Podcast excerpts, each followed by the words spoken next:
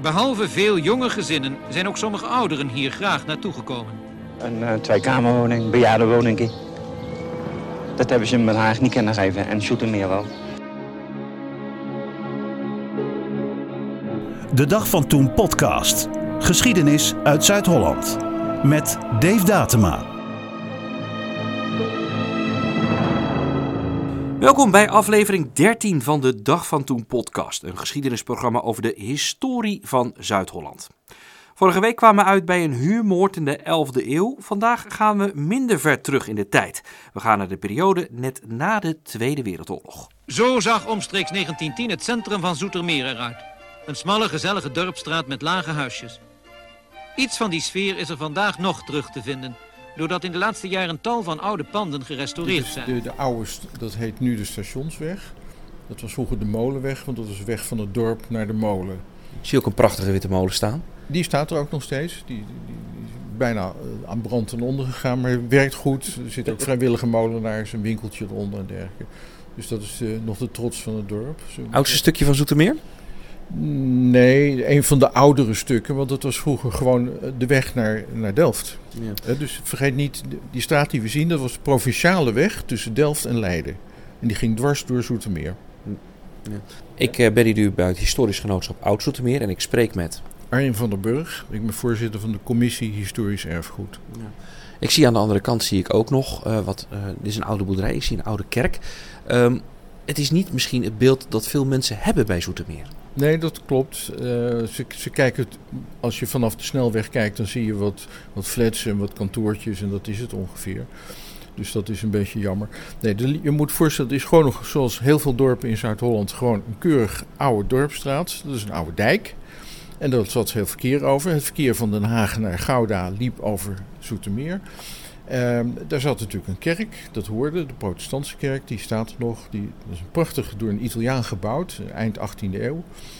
Ik zie een foto, er staat heel groot onder Zoetermeer 1954. Ja. Uh, is dit een foto van Zoetermeer van boven, zoals het ja. er toen uitzag? Ja, een mooie luchtfoto. Dan zie je al dat uh, behalve het dorp met wat uitlopers, hè, met boerderijlinten zullen we maar zeggen, en de Rijksweg, die was er al lang, de, de A12. En de Dorpstraat uh, is behoorlijk volgebouwd. Dan heb je de Stationsweg, die is in de jaren 30 al redelijk volgebouwd. En de eerste uitbreiding, die heette de Molenstraat. Die komt precies het molen uit. Dat is ook uit de jaren 30 en iets later. En dan begint er dus uiteindelijk een grote expansie. En dan wordt het een forensendorp. Uh, hoe groot uh, was Zoetermeer in 1954? 1954 in inwoners? Ja. Nou, 6000.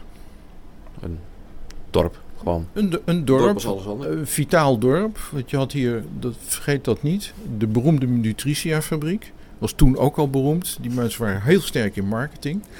Want die verkochten namelijk niet melk, die verkochten kindermelk. Het was een gezondheidsmotief. Dat was babymelk. Dat werkte heel goed. Uh, daarnaast had je nog Brinkers, dus een grote fabriek van, van boter, margarine met name. En je had een aantal boterboeren. En voor de rest zat er en landbouw en veeteelt. En er zaten wat kassen. Sedert de bevrijding zijn er in Nederland meer dan 200.000 nieuwe woningen gebouwd. Desondanks bestaat er nog een aanzienlijke achterstand op de woningbehoefte. Nog steeds zijn er huizen waar zes mensen in één kamer moeten slapen. Nog steeds zijn er hele gezinnen die met een klein zoldertje genoegen moeten nemen. Die mensen hebben echter nog een dak boven het hoofd. Maar in de magazijnen staan de meubelen opgeslagen van diegenen die het voorlopig met een meubel in de open lucht moeten doen. Zij wachten nog op een huis. Velen soms al jarenlang. Uh, in het hele westen van Nederland was na de oorlog de situatie extreem beroerd. Dat was in de eerste plaats doordat er heel veel oorlogsschade was, niet alleen in Rotterdam. Dat was in 1953 nog even de watersnood tussendoor, want in het zuiden van Zuid-Holland overigens veel meer schade dan in Zeeland is geweest. Um, en in deze hele regio was er dus een enorm woningtekort. Dat werd heel langzaam ingelopen. De prioriteit lag natuurlijk bij herstel van de havens, van de wegen, spoorwegen, het bruggen en dat soort dingen. Uh, dus het, ja, je kan zeggen dat heette ook politiek zo. Woningnood is volksvijand nummer 1. En dat duurde minstens tot 65, 70. Over hoeveel woningen hebben we het dan? Uh, ze hadden toen becijferd dat nou, laten we het even preciezer maken wat er voor uh, de regio Den Haag, hè, dus Den Haag, maar dat was inclusief Leiden en Delft, zou er voor 120.000 mensen geen ruimte meer zijn. Dus je bouwt je als suf in Rijswijk, Voorburg, Leidsendam, weet ik veel wat. Dat is ook gebeurd. En dan hou je nog rond 1980, ze keken ver vooruit, 120.000 mensen over waar je zeker van weet dat je daar geen plek voor hebt. Hoe wilde men dat oplossen? Nou, er was in 1951 een commissie ingesteld, die heet Werkcommissie Westen des Lands. Dat was ingesteld uh, op verzoek van het Rijk door het Instituut voor Stedenbouw en Volks, Volksbevestiging en Stedenbouw. Omdat voor het hele Westen dat probleem enorm groot was en niet duidelijk was hoe je dat op moest lossen. Daar zaten de drie provincies in, drie grote steden, niet Utrecht, dat is ook interessant, en het Rijk. Met heel veel departementen, heel veel deskundigen. Dus die hebben pionierswerk verricht om te denken hoe gaan we dit oplossen in 1980 en hoe houden we dat middengebied een beetje vrij. Dus het Rijk had daar een rol in. Gemeenten maakten uitbreidingsplannen en die eh, kregen daar toestemming voor of niet van de provincie. En die zochten dan naar bouwers en eh, naar subsidie. Dus die bouwden daarmee door. Maar dat zou dus niet voldoende opleveren. En zeker in Den Haag, die liepen op tegen de zee en tegen het Westland met al die kassen. die kassen waren belangrijk. Daar kan je toch ook bouwen? Ja, dat zou je denken. En dat is ook wel gebeurd. Hè. Den Haag heeft langzamerhand na de annexatie van Loosduinen in 1923 wat kassengebied opgeruimd. Maar er was enorm weerstand tegen. Want het was een hele productieve sector. Belangrijk voor de export. En Nederland was na de oorlog natuurlijk echt gebrand op een grote exportaandeel. Dus die tuinbouw moest je afblijven. Bovendien was de grond in Westland geschikt voor tuinbouw. Gold ook voor pijnhakker, berkel en dergelijke. Dus dat was een zeg maar, no-go area. Ja, wat, wat is dan wel de oplossing? De oplossing was uiteindelijk uh, dus niet eindeloos de grote steden uitbreiden. Dat vonden ze ook maar niks. Maximaal 1 miljoen inwoners. Dus dan moest je naar buiten. Dus buiten de Randstad, buiten het Groene Hart, zullen we maar zeggen. Want dan moest je ook afblijven. Dus dat landbouw. Alleen dat kon in Den Haag niet. dus je hebt wel Lelystad in het noorden, je hebt Spijkenisse en Hellevoetsluis in het zuiden. Daar ging het allemaal netjes naar buiten. Maar hier kon dat niet. Dus toen is uiteindelijk bedacht van nou, we hebben niet zoveel keuze. Het moest een beetje ten oosten van Den Haag. Niet aan Den Haag vast, maar er een beetje ten oosten van. Je moet afblijven van Pijnakker, dus ten noorden van de A12. En dan kom je wel ongeveer bij Zoetermeer uit. De gemeente Den Haag komt met een plan. Er moet een nieuwe stad komen met een eigen bestuur en goed voor tienduizenden, nee, misschien wel honderdduizend mensen. En die nieuwe stad wordt vernoemd naar het kleine buurtschap dat op die plek lag. Wilsveen. Dat ligt zeg maar, op de grens van Zoetermeer en Leidsendam. Die hadden het uitgetekend, dus daar, daar kom je. Ze dachten niet aan Zoetermeer, maar aan een, een nieuw stadje. En dan had uh, Zoetermeer dus een stuk land af moeten staan. Nou, hoe dat georganiseerd werd, het was ook ingewikkeld. Ze hadden bedacht dat je dan een openbaar lichaam moest maken, zoals je in de tijd het openbaar lichaam Rijnmond had gehad. En dat openbaar lichaam zou dan de rol van de gemeenten overnemen. Die zou dan zo'n nieuwe stad bouwen. Dat was het idee. Uh, dus de gemeente zou nog niet verdwijnen, maar die zou eigenlijk hun, hun, macht en invloed kwijtraken. Dat was het idee. Dat kan ook zo zijn nadelen hebben, want dan komt er geen gemeenteraad meer aan te pas of zoiets dergelijks. Nou, ze, ze, hadden toen bedacht, het is heel merkwaardig, want het is helemaal mislukt, dat plan. Maar ze hadden het helemaal al uitgeschreven, inclusief hoe je verkiezingen deed, hoe je aan burgemeester en dat soort, of bestuurders kwam. dus het idee was, je krijgt een nieuw soort gewestraad met directe verkiezingen. En Soetermeer had meteen door, dan zijn wij de kleinste in het verhaal. Ja. We hebben dan helemaal niks te zeggen. Waren het Rijk en Den Haag het met elkaar eens? Den Haag had de sympathie van het Rijk. Maar je had ook nog de provincie Zuid-Holland. Die lag helemaal dwars. Dat is trouwens niet zo ongewoon.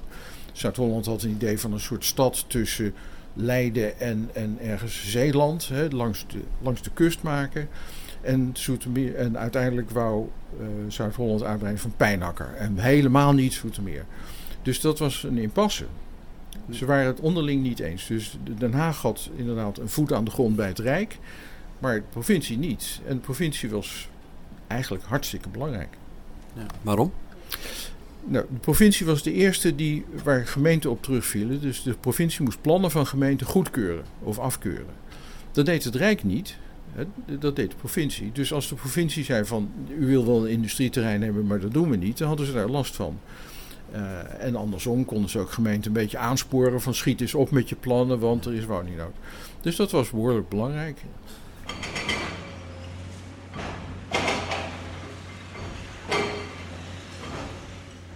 Er is dus een impasse ontstaan, met de provincie aan de ene kant en de gemeente Den Haag en het Rijk aan de andere kant.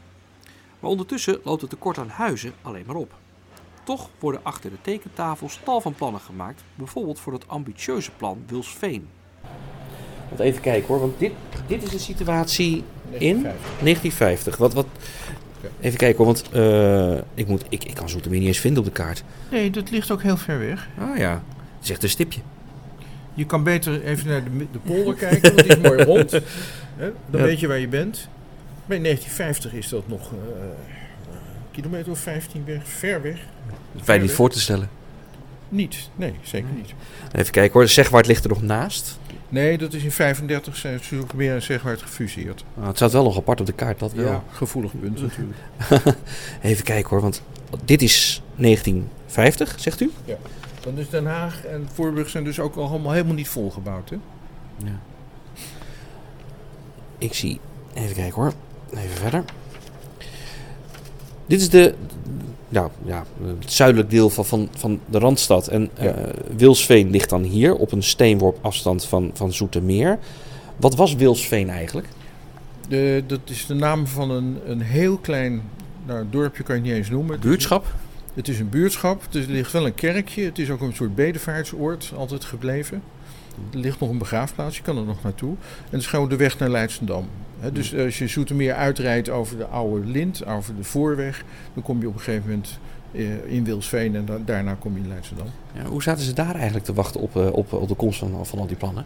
Eh, dat was gemeente Leidsendam, dus nee, die- hadden daar ook niet echt zin in. Maar het was dus maar een heel klein grondgebied van Leidsendam. Het grootste deel was Zoetermeer. Het grootste deel was Zoetermeer, ja. Ja. Ehm, hoe zagen die plannen er toen uit eigenlijk? Ehm, nou, voor Wilsveen was er dus door de gemeente Den Haag een plan uitgetekend. Met, ja, je kan ook zeggen, een soort herhaling van Moerwijk morgen stond en dergelijke. Met keurig wijkcentra en dergelijke. Het aardige was dat ze, dan noemden dat een tuinstad. Dus dan denk je toch vooral aan laagbouw, veel groen en dergelijke dingen. Nou, ze, dat was allemaal niet zo precies, maar ze bedoelden in elk geval wel eh, niet zoveel massale middelhoogbouw als in de naoorlogse wijken. Dat, dat was het enige. Maar het was verder niet zo heel erg duidelijk wat. Maar er konden wel genoeg mensen in. Ehm, wat was er tegen Wilsveen? Eh, in de eerste plaats was eh, Zoetermeer natuurlijk tegen Wilsveen. Omdat het half op het grondgebied lag. Maar je had er niks over te zeggen. Want het idee was Den Haag betaalt en maakt dat. Da- daar leek het wel op. Of een andere ingewikkelde constructie. Eh, het tweede was, eh, ook vanuit Zoetermeer gezien, we hebben hier goed agrarisch grond. Dus dat is zonde om dat op te offeren. Agrarische productie is belangrijk en gaat goed.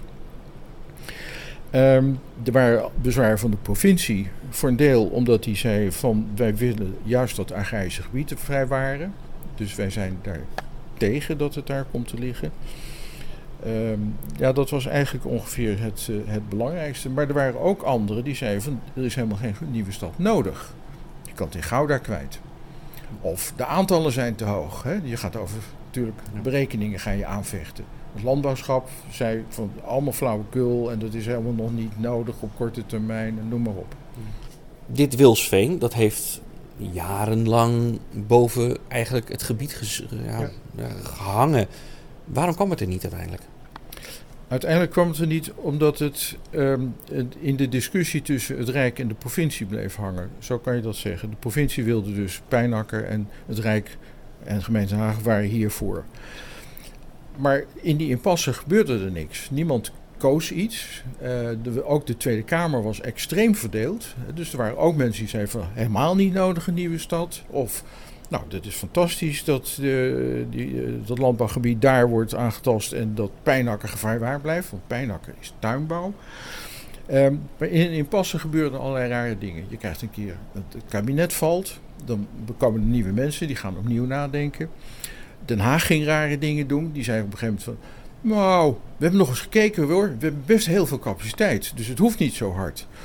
Ehm, het tweede was, het idee was dus voor Wilsveen dat er een openbaar lichaam komt die dat gaat maken. Daar moest een wetsontwerp voor komen. En dat bleek dus helemaal de mist in te gaan. Hè, Zoetermeer, maar ook Leidsendam en Noordorp waren tegen. En toen zei Binnenlandse Zaken, eind 61, dat wordt niks. Dus wat hadden ze toen? Ze hadden niks in handen. Ja. En hoe kwam er uit die impasse uiteindelijk een oplossing? Nou, Zoetermeer is zeg maar, vanaf 57 in het spel betrokken. Hè. Daarvoor wisten ze niks. Hadden ze er ook niks mee te maken. En toen liep de discussie al jaren. Toen liep die discussie al jaren. Uh, dus uh, ze kwamen erachter dat het dus de bal was uh, verschoven. Dus dat was grote onzekerheid. Ook angst voor annexatie, want dat was gemeente overkomen. Dat was in Rotterdam ook gebeurd voor Botlek en zo. Dus annexatie was geen, geen fantasiebeeld, maar dat had misschien wel kunnen gebeuren. Uh, dus zij zijn op een gegeven moment gaan denken van nou, wat kunnen we als tegenbod doen? Laten we maar zo zeggen. Want ze hadden dus het idee dat dat serieus was. Zowel dat openbaar lichaam als die bal Wilsveen was serieus. Nou, dus hebben ze stapsgewijs hebben ze eerst een plannetje voor 15.000 inwoners gemaakt. Zegt dan zit er nog wat ruimte in voor Hagenaars. Daar kregen ze ook geen reactie op overigens. Toen zeiden ze, nou, wij maken een plan voor 40.000 inwoners en dan kunnen er 25.000 Hagenaars komen. Dat is een mooie oplossing, want jullie weten toch niet wat je wil. Mm-hmm. Dan zien we verder wel. Dat is heel slim, maar ook daar gebeurde niks mee. Op het laatst, dus er zit wel 1, 1, uh, 59, 60, dan zegt Zoetermeer, nou, wij doen die 40.000 en doen we samen met Den Haag dat Wilsveen erbij, als het nodig is. Dat was ook aardig gezet, maar er gebeurde gewoon niks. Alleen het aanbod lag er wel.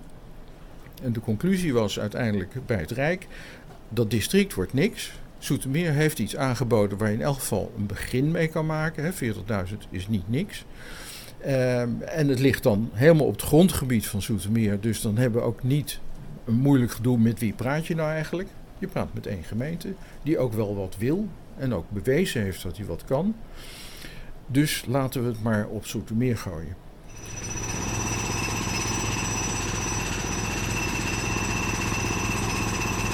Op 11 januari 1962 volgt dan de ontknoping als het ministerie van Binnenlandse Zaken een brief stuurt naar de Tweede Kamer. Met daarin de mededeling dat het hele plan van Wilsveen de prullenbak in kan. De provincie moet een plan maken waarbij Zoetermeer 100.000 inwoners krijgt. Het dorp wordt een metropool. Het was wel serieus uitgebreid. Ze zei ook van, we hebben al flats. Dus Hoe hoog was dat? een beetje stedelijk. Is Nou drie ja, hoog. Drie hoog. E- Even in die tijd. Hè. Eh, er was ook een keer een bericht in de Streekblad in 1957. Hoogbouw in de dorpstraat. Dat ging over 20 meter uitbreiding van een fabriek. Ja, ja. hoogbouw is hoogbouw. Je moet, je moet het leren.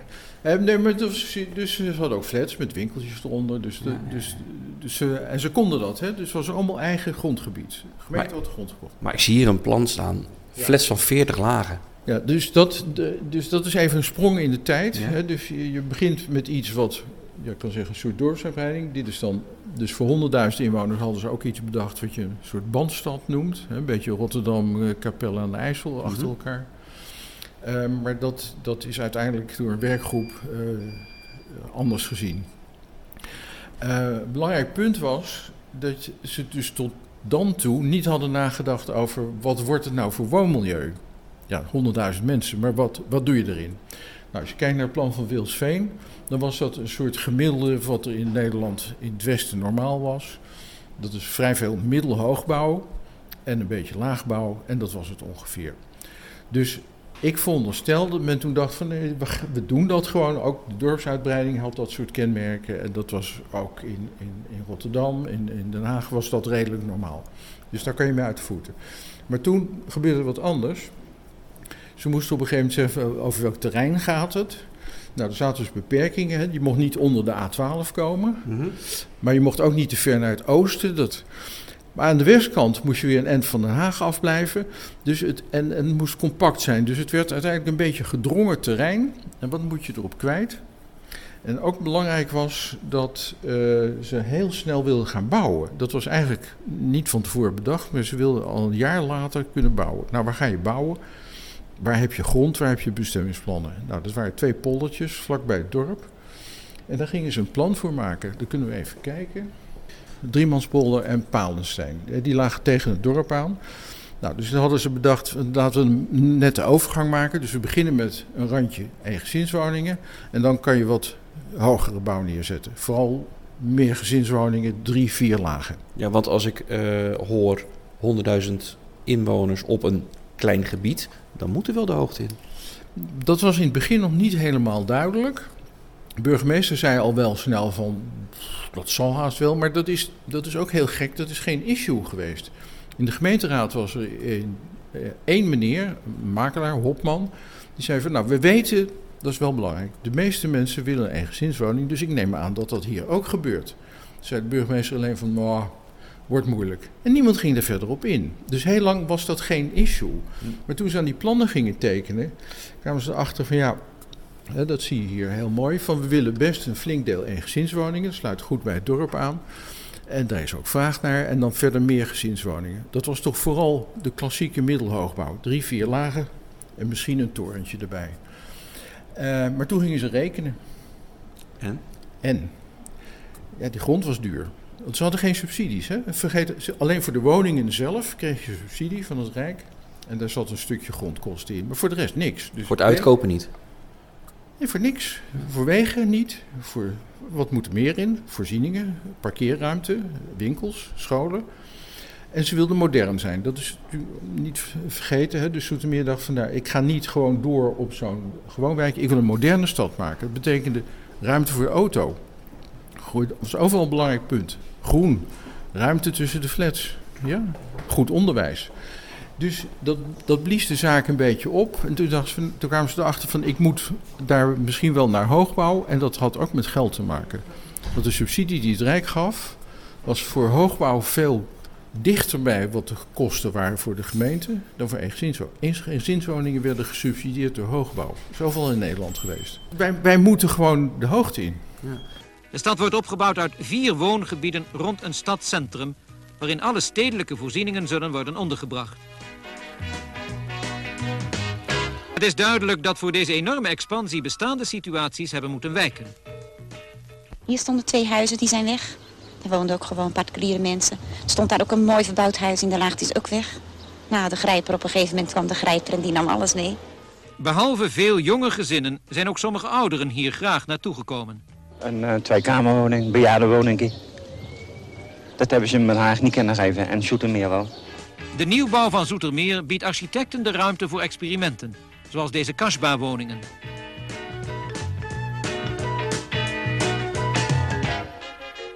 Ondanks de inspraak die de nieuwe bewoners bij tal van zaken hebben... blijft er toch nog wel wat te wensen over. Ik vind het hier nog weinig om te zeggen te winkelen of iets dergelijks. Dit is het enigste eigenlijk wat je hebt. Leuk wel, maar erg klein. Ik zie ook wat foto's hier. Uh, even kijken. 1, 2, 3, 4, 5, 6, 7, 8, 9, 10, 11, 12, 13, 14, 15. 15 verdiepingen. Dat is al flink. Dat, wat, nee, maar dat zijn ook de allerlaatste plannen van de hoogbouw. Uh, dus um, de, de, vraag van hoe komen we er nou uit, niet alleen in die eerste twee wijkjes, maar ook met nog veel meer inwoners op een krap grondgebied, begon zeg maar langzamerhand, in 63 gingen, zijn mensen van, moeten we niet systeembouw doen? En het aardige was, in 63 had je een nieuwe minister, Bogaars, misschien wel eens van gehoord. Die stimuleerde de bouw, waanzinnig, met heel groot succes, ook met veel geld. En een van de dingen was stimuleren van de industriële bouw. Bestond al langer, maar dat betekende vooral hoogbouw. Want daar kon je heel veel meters mee maken. Ja? Nou, een van de uh, bedrijven die dat leverde was de ERA. Die heeft ook in Rotterdam gebouwd en in Amsterdam en dergelijke. Dus die bouwden zeg maar meter na meter. En dat ging dus op zich ging dat goed, want het ging heel snel. Ze dachten toen ook dat het goedkoper was dan eengezinswoningen. Uh, en dat viel tegen. Het bleek dat uiteindelijk de huren toch niet zo laag werden. En dat was cruciaal. In de jaren 50, 60 waren huren echt een belangrijk politiek strijdpunt. Dus dat viel een beetje tegen. Ze hadden een mooie parkeeroplossing. We hebben nog één flat in Zoetermeer over waar de parkeergarage een daktuin heeft. Dat, dat waren er een stuk of acht. Uniek zijn de tuinen die zijn aangelegd op de daken van garages... waarin voor meer dan 600 auto's een parkeerplaats is. Deze enorme tuinen die de omwonenden vrij kunnen gebruiken... zijn een originele vorm van groenvoorziening in deze snelst groeiende gemeente van ons land. Wij hebben ook nog fietsen. En een daktuin, daar kan je heel spelen. Met een hele groot zwembadje zo laag. Kan je heel leuk spelen. Het probleem was, dat kon niet uit de huur betaald worden. Dus mensen kregen naast een gematigde huur nog enige tientjes erbij voor de garage. En je begrijpt, dat was niet echt leuk, dus mensen gingen niet in de garage staan. Dus dat idee van luxe hoogbouw, want het waren wel grote flats. Voor die Hoe groot is groot? 90, 100 vierkante meter. Ze wilden vooral voor gezinnen bouwen. Was toen, eh, ik bedoel, even denk je woont in, de oude, in het oude Westen of je woont in Transvaal in Den Haag. De sprong was waanzinnig. Ja. Met centrale verwarming en lift en een goed balkon. Alleen, dat viel dus een beetje tegen. Ik zie hier een maquette. Ja. Waar is, waar is dit precies? Welk deel van, van Zoetermeer? Eh, nou, je ziet hier bovenin mooi in het zwart het oude dorp liggen. Dat is een oude terp. Dus dat is zeg maar, aan de oostkant komen we van Gouda en dan gaan we helemaal door. En toen hadden ze ook zeg maar, die oude sloten hadden ze allemaal weggetekend hoor. Dat was 64, 65 is dit, dan hadden ze, dat vonden ze niet zo belangrijk. Nou, wat je dan verder ziet is de dorpsuitbreiding die voor een groot deel klaar is. De eerste twee wijken met gemengd laagbouw en hoogbouw. Dan is dit Palestijn. Dit is Palestijn en dit is Driemanspolder. Ja. En dan is dit dan Meerzicht, dus de eerste wijk die zeg maar driekwart hoogbouw zou moeten worden en supermodern. Eh, en dit is de maquette die ze aan de koningin hebben laten zien. 1965? 19, in mei 1965. En dat was een wereldwonder. Want? Dit was een moderne stad. Ik zal nog even laten zien. We hebben een prachtig krantenbericht uit de Volkskrant. Die hadden toen ook al voorspellend vermogen. Zoetermeer over 15 jaar modernste stad van Nederland. Dat wisten ze toen al zeker.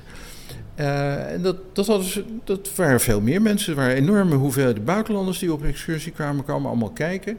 En dat was modern, hartstikke goed. Eind van het jaar kwamen de plannen voor de Bijlmer naar buiten. Dat was nog moderner, zullen we maar zeggen, of radicaler.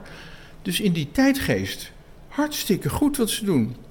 De maquette is gemaakt. De koningin die kon geen kaarten lezen. Die vond dat, ja, een kaart, wat, wat moet ik nou zien?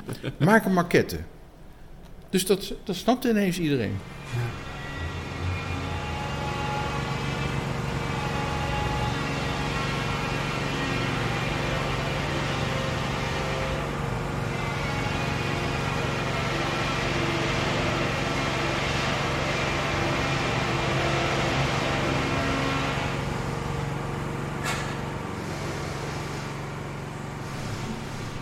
Even kijken hoor. versie. Eh, Ze hebben vanaf het begin gerealiseerd dat het verkeer het lastigste punt was. Want hoe kom je, want er gingen heel veel mensen bleven werken in Den Haag. Dus hoe kom je van Den Haag naar Zoetermeer? Hoe gaat het Noord-Zuid verkeer naar Leiden en Delft? Eh, Dat neemt allemaal toe. Eh, de NS wou nog een spoorlijntje er doorheen. Moet je een tram hebben? Moet je, kan je een halt aan het spoor staan? Heb je bus nodig? Heb je nieuwe wegen nodig? Dat was eigenlijk het hoofdprobleem waar ze meer dan een jaar aan gedokterd hebben. En dat leidde tot een oplossing. Die zegt, wij maken een wegenstructuur in de vorm van een H.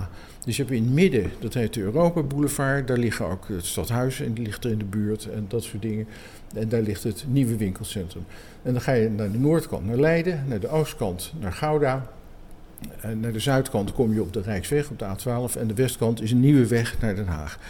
Dus het was heel erg op de auto gedimensioneerd. Dat is zo gerealiseerd.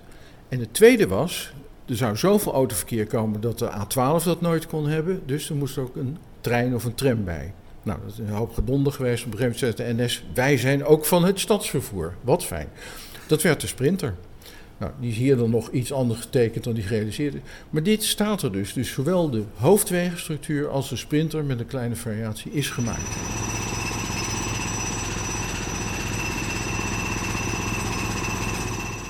Op papier leek het allemaal fantastisch, maar in de praktijk was het vooral financieel niet zo aantrekkelijk als was gehoopt. Als de eerste twee wijken bijna af zijn, wordt er al getekend aan de volgende uitbreiding. Opnieuw met veel hoogbouw, anders is het financieel niet mogelijk. Maar dan gaat het mis. Flink mis. In 1965 heb je de wet ruimtelijke ordening en dan kreeg iedereen, iedere burger de mogelijkheid bezwaar in te dienen. En die burgers gingen dat doen. Nou, zeg, wat is dit nou? We hebben mooie plannen voor u gemaakt. Wij bouwen de woningnood weg en dan gaat u bezwaar maken. En dat, Wie waren dat dan? eh, in Soetermeer was dat eh, onder andere de woningfederatie, want die mocht ook daarvoor nooit wat zeggen, maar die werden ook een beetje geëmancipeerd. En een meneer De Jong, gewoon een gewone meneer uit, uit Soetermeer, in het dorp woonde. En die zei van, luister eens, er zijn veel te weinig eengezinswoningen. De grap was ook, het Rijk had net een nota afgescheiden, de tweede nota ruimtelijke ordening. Daar stond in dat de meeste mensen een eengezinswoning willen hebben. En dat wij dus vanuit gaan dat 55% of meer van de nieuwe woningen eengezinswoningen zijn. En dan zit je hier te tekenen aan een hoogbouwwijk. Ja. Dus die meneer zegt, dit klopt niet. En het vervelende was dat hij liet zich niet overtuigen door de gemeente, maar hij ging met zijn bezwaar naar de provincie. En daarna ging hij naar de, het Rijk, naar de kroon. Toen kwam de klad erin. Dus je krijgt vertraging, want ze konden niks bouwen, want dat plan werd niet geldig. Ja. Het tweede wat gebeurde, is ook wel geestig. In 67 werd meneer Schut, die die oude plannen bedacht had, Ja. die wordt ineens minister van ruimteordening en Mhm. volksvesting. En het eerste wat hij zegt, ik wil meer variatie in de woningbouw. Dus niet dit. En een jaar later zegt hij, ik ga alle extra toeslagen op de hoogbouw ga ik afschaffen. Toen was de lol er helemaal af. En daarmee dus ook de financiering weer voor andere delen. Die werd lastig, ja. Ja. Nou, dus in Meerzicht hebben ze vrij snel besloten van... wij kunnen niet door, niet helemaal doorgaan erop. Wat hielp, Soetermeer had in twee jaar tijd bijna alle grond gekocht die nodig was. Voor toen vrij hoge prijzen vergeleken met de agrarische prijs. Maar in die tijd, jaren 60, hè, loonexplosie en dergelijke, begonnen de grondprijzen te stijgen. Dus Soetermeer had voor een redelijk bedrag grond in handen voor de hele uitbouw tot 100.000 inwoners. Dus er hoefde geen kosten meer gemaakt te worden op dat vlak. Precies. Dus in Meerzicht hadden ze ineens wat meer ruimte voor eengezinswoningen. Want je kon wat meer grond gebruiken. Ze zijn ook goed naar het plan gaan kijken. We hebben het al erg veel groen erin gestopt. Hè, dat herken je wel. Ehm, parkeren is misschien ook wel royaal geweest. Dus nou, toen is een deel van het plan omgegooid naar eengezinswoningen. En ze zeiden toen, de volgende wijken, daar komt geen hoogbouw meer. Toen was het afgelopen. En dat was overal in Nederland hetzelfde. Rond 1968 ging overal de stekker eruit. Wanneer was het plan zoals dat gemaakt is, eh, begin jaren 60 voor Zoetermeer? Wanneer was het af? Ehm, nou, wat ik zei, de, de, de, de becijferingen waren voor 1980. Dan had je dus 100.000 inwoners moeten hebben. Toen in 1980 waren er iets van 70.000. Dus dat is eigenlijk best een knappe prestatie. Want ze begonnen heel laat. Dus de aanloop is altijd veel langer dan je denkt. Eh, dus dit was zeg maar rond 85 was het ongeveer wel klaar. Op het stadscentrum na. Dat heeft, had enorme aanloopproblemen voordat dat van de grond kwam. Ehm, maar, maar je kan ook zeggen, dus deze plattegrond is rond 85 eh, vol. En daarna, Zoetermeer is blijven groeien. Op hoeveel Ja. inwoners zitten we nu? 125.000, 127.000. sorry. Een van de grootste steden van Zuid-Holland dus. Derde. Ja. Derde van Zoet, dat moeten we benadrukken. Dus net iets groter dan Delft, net iets groter dan Leiden. We zitten dus nu op, eh, op een fix aantal inwoners. Hoe gaat Zoetermeer zich in de toekomst? Kan het zich nog verder ontwikkelen? Eh, ja, in de eerste plaats heb je natuurlijk hier ook eh, het probleem wat alle naoorlogse gebieden in Nederland hebben, dat een deel verouderd is. Dus, de, dus je moet voor een deel is dat renoveren, maar voor een deel misschien ook wel sloop en nieuwbouw met wat hogere dichtheden. Eh, een deel zit natuurlijk in de energietransitie, daar wordt hier ook al werk van gemaakt. Dus dat is ook echt vernieuwing, waarbij bijvoorbeeld het wooncomfort toeneemt, de woonkwaliteit hoger wordt. Een van die eerste wijken is Palestijn. Daar zit ook veel hoogbouw tussen. Staat die er allemaal nog? Nee, meer dan eh, ruim de helft is weg. En heeft dat ook weer te maken met de wens van, de, eh, de wens van, van, van, van het publiek? Nee, niet echt. Ehm, het is een voorbeeld wat, wat ook in Rotterdam heeft gespeeld en in de Bijlmer en dergelijke. Dat op een gegeven moment, dit gaat over woningwetwijken, ehm, verslechtert het woonklimaat. Eh, er ontstaan problemen. Hè, de, ehm, en dan denkt men dat het slopen en vervangen door nieuwe woningen, en voor een belangrijk deel door laagbouw of middelhoogbouw, eh, het sociale probleem oplost. Nou, dat is natuurlijk niet zo. Die mensen gaan gewoon ergens anders gaan wonen. Maar het heeft er in dit geval dus mee te maken dat de plannen die in de jaren 60 zijn gemaakt niet zover waren dat ze in de jaren eh, in, in de 21ste eeuw nog mee konden. Nou, het rare is, het ligt niet aan de gebouwen. Want als je kijkt naar die andere wijk, Driemanspolder, die is nog praktisch helemaal gaaf. Er ligt zelfs een, wijkpark in, waar, wat nog gewoon goed functioneert, een wijkwinkelcentrum. Al die eh, hoogbouwflats, die staan er nog, de, voor een groot deel gerenoveerd, in goede staat. Dus dat is net als in Ommoord, er is ook niks aan de hand. Terwijl de Bijlmer voor een groot deel gesloopt is. Daar zit iets tussen, dat heet beheer en, eh, selectie. Dus welke mensen komen er te wonen, kunnen ze betalen? De sleutel is vaak, wonen mensen ergens naar hun zin omdat ze dat hebben kunnen kiezen? Of is het bij gebrek aan beter? En in de jaren 60, 70 is er natuurlijk heel veel gebouwd waar mensen bij gebrek aan beter gingen wonen. En zo gauw ze konden, gingen ze ergens anders wonen. Dus het ligt veel minder aan de stenen dan aan de andere factoren. Stel dat uh, uiteindelijk nooit de stekker uit Wilsveen was getrokken, of stel dat Zoetermeer nooit in beeld was geweest. Hoe had het dorp er dan uitgezien? Ja, ik denk dat wat ik liet Ze hebben een plannetje toen gemaakt voor de groei naar 15.000 inwoners. Dat, dat dat kan. Maar dan ben je dus gewoon zoals veel dorpen doen, weer een wijkje eraan bij plakken. Uh, en dat hangt een beetje afgehangen van hoe snel de industrie zich ontwikkelde. Want dit was echt een behoorlijke industriestad. Mm Met Nutritia en Brinkers en dergelijke. Uh, en in hoeverre dan ook nog mensen van buiten erin kwamen, dat hangt er weer af wat in de omgeving gebeurt. In het begin kwamen hier heel veel mensen uit Delft, want er was in Delft bijna niks meer te krijgen. dus de overloop, uh, zoals ook Gouda, mensen uit Den Haag weet ik wat krijgen. Dus het hangt af van de omgeving. Maar ik denk dus dat je, nou dan was je misschien in de orde van Waddinxveen, noemen ze wel 40.000 inwoners gekomen. Dat zou kunnen.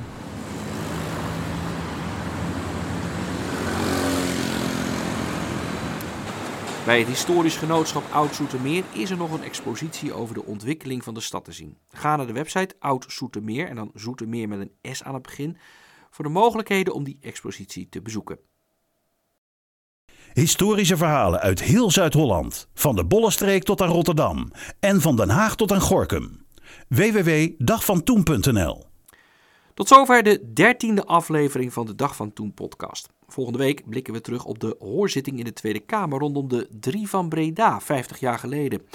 De drie oorlogsmisdadigers uit de Tweede Wereldoorlog zitten dan al tientallen jaren in de gevangenis, maar hebben gevraagd om gratie. En dat maakt veel los in Nederland. Als ze zijn vrijkomen en die regering, of het nou een van je acht is of niet, ik zeg, dan maak ik hem af. Dan wil ik die laatste jaren van mijn leven nog gaan zitten daar. Zo is het nu. Wou dat ik mijn moeder nog kon bezoeken in de gevangenis. Ze moeten nog blijven dat ze bezocht worden. Wou dat ik mijn moeder kon bezoeken, mijn hele familie. Die, mijn vader die had elkaar getrokken in zijn mouthuis door die honden van die beesten. Wou dat ik ze bezoeken kon. Daar is hij geworden voor te vinden, want ik maak me kwaad, ik word wild. Maar ze mag mij er een revolver geven en ik ga naar Breda schieten neer. En ik wil me dood geven ervoor. Mijn leven wil ik ervoor geven. Om mijn ouders, mijn hele familie en ook andere mensen die bij ons horen. Het, hoe noemen ze het ook weer? Te, te, God, ik kan niet, ik, te, te wreken, laat ik het zo zeggen. Ik heb een haat Dat volgende week. Mocht u dit nu een interessante podcast vinden, laat het dan weten aan vrienden, bekenden, familie en natuurlijk niet te vergeten de kapper. Of ga naar www.dagvantoen.nl voor meer terugblikken. Daar staat ook een compleet overzicht van eerdere afleveringen. Tot volgende week.